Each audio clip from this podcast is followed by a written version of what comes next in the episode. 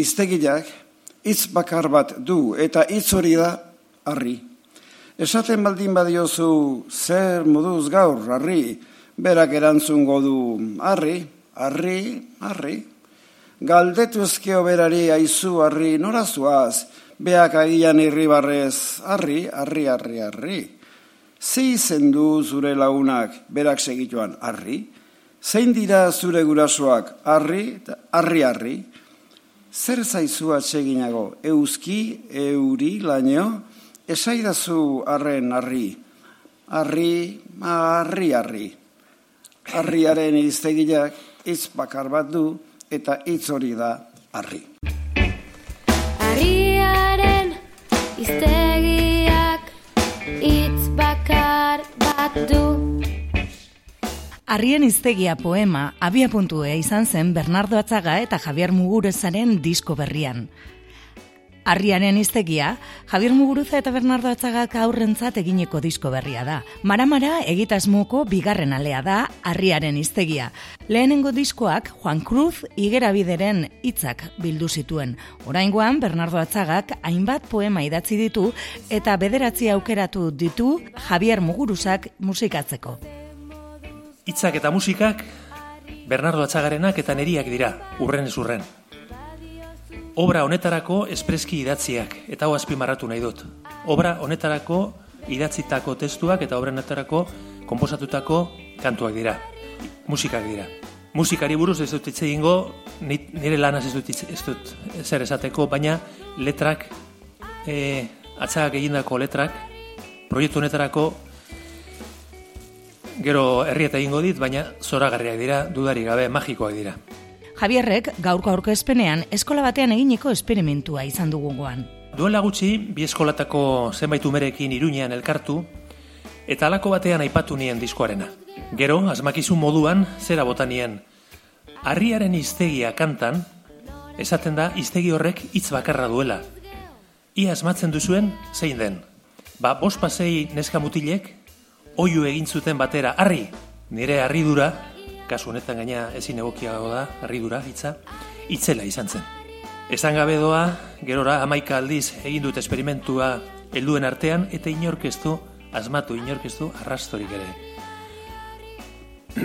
Sumatu. Erantzun erantzuten dizute nik zer dakit ba. Tantzeko erantzunak. Hala ere, Javierrek aldamenean esperientzia handiko musikariak izan ditu. Michel Longaron, Txema Garces eta Juan Mari Beasain. Easo Musika Eskolako Naroa Zamorak eta Daniela Etxebarriak jarri dituzte ahotzak. Posik agertu dira prentza aurrean. E, niri gehien gustatu zaidan abestia da submarino txikia, e, umoretsua delako. Bueno, nire etzako e, behatzi abestitik umoretsuena. E, zaiena e, ontzaren hitzoriek. Bernardo Atzagak poema hauek idazterakoan buruko tapoia askatu duela kontatu digu. Tapoiarena erresala, nik urte asko dara mazkit, hemen Etiopia atera nuen aspaldi batean, da gero atera nituen hainbat poema hor sakabanatuta daudenak. Baina beti, e, liburu bat egiteko, nire kasuan poema liburu bat, ez dut maite poema solteak, bata besteren ondoan jarri eta ateratzea. Beti iruditzen zait behar dula, alako errelato bat, edo alako metafora nagusi bat, ez da? Eta orduan, ba, bueno, Etiopia egin nuenean alaxe izan zen, ez? Izan zen, enean aia ofelionek eta biok mm, zeharkatua genituen Etiopia, Etiopia inguratzen duten e, areazko bederatzi zirkuluak. Eta poema liburua zen, bidai bat behatzi zirkuluetatik. Eta kasu hontan, e, poemoik idazterakoan, bapatean ikusi dut e, metafora orokor hori. Eta hau izango da, beste gabe, nahi badezu etxe bat, harriekin egindako etxe baten izango da, bakazten edo umen gela. Poemak egongo dira gela horretan. Orduan, asko lagundu dit, eta horregatik uste dut, gio, hasi naizela, papatean, libratu naiz, eta hasi naiz itazten, eta Eta, bueno, izan da esperientzi alde horretatik oso alaia, oso alaia. Aurkezpena probestu dugu kantua eta poemaren arteko ezberdintasuna deskubritzeko. Eta da, poema libreagoa da. Poeman ez daukazu inolako loturaik zuk ezpazu lotura hori hartu nahi. Zuk pensatzen baldin badezu, ez dut errimatuko. Ba ez ez du errimatzen. Pensatzen duzu, ez dut soneto bat egingo. Ba ez duzu egiten. Egingo dut poema bat ulerte zina dana. Oingo dut dadaistak egite zuten bezala zentzu. Bueno, orduan hor daukazu askatasun handia. Hain zuzen, atzean, o aurrean nahi badezu, ez dagoelako publikorik. Irakurlerik bada, baina irakurlea banan banakako zera denezkeo, ba ez da alako presiorik. Kanta bat egiten duzunean, bere arauak ditu.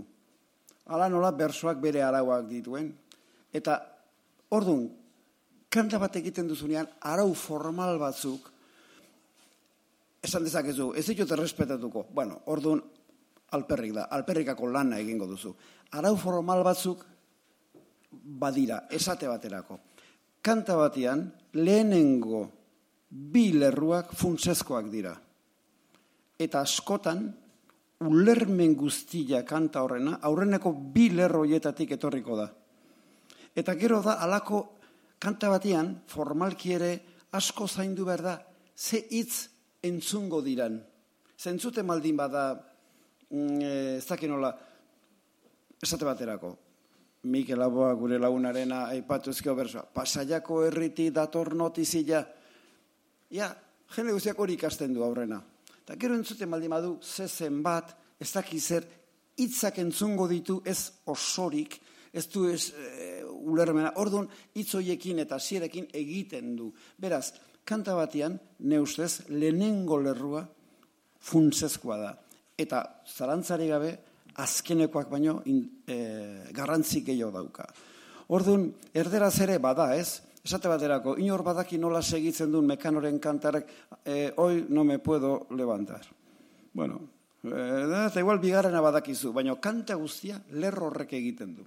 Idea, idealizazio guztia. Bueno, orduan, uste dut hori dala. Gero zorionez, Bertolt Brecht, idazizun, Bertolt Brecht, idazizun, mm, liburu bat eta gero atera zan poemak eta kantak. Eta hor, egin zan pixka bat bat.